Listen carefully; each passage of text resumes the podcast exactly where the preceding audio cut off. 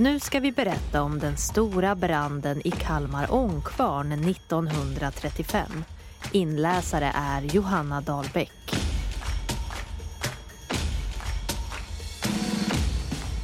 Det är lördag den 6 juli 1935.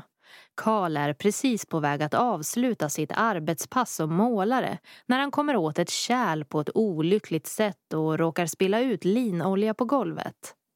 Han torkar upp linoljan med en trasselsudd han har hängandes i bältet och kastar sedan det linoljeindränkta tygstycket i ett hörn. Han längtar verkligen efter att få ta helg. Tänker inte på hur brandfarlig linolja kan vara eller på hur trasselsudden ser ut som en skräphög. Hur andra arbetare snabbt fyller på. Snart döljs linoljetrasan helt av gammal säckbråte. Tänker heller inte på hur kvavt det är inne i det avskilda rummet. Eller på det torra virket som ligger precis bredvid sudden och lätt kan ta eld. Och han tänker framförallt inte på att just nu är hela sprinklersystemet som kan släcka bränder bortkopplat på grund av ombyggnationerna som görs i byggnaden. Istället går målare Karl hem och tar helg. Men det blir ingen lugn helg i Kalmar. Inte för någon. Och speciellt inte för brandkåren. För den där trasselsudden tar eld. Det sprider sig snabbt till det torra virket, till övriga rummet, ut i nästa rum och vidare i byggnaden. Vid fyra tiden på eftermiddagen slår man larm och en halvtimme senare är brandkåren på plats. Alla lokaler i byggnaden måste omedelbart utrymmas. Nu härjar elden på de tre översta våningarna. Fabrikens stora maskiner faller tungt när trägolven ger vika. Den tjocka svarta röken förmörkar himlen för Kalmarborna och syns flera mil bort. Trots att över 300 man, såväl brandkår som frivilliga, engagerar sig i släckningsarbetet går det inte att begränsa elden. Den sprider sig. Nu är inte bara kvarnen i fara.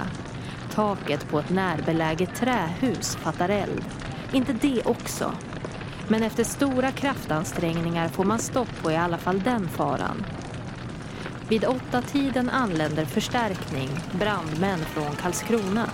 Nu rasar ytterväggarna ut mot gatan. Elden bekämpas med närmare 30 slangar som tas från brandposter runt om i stan.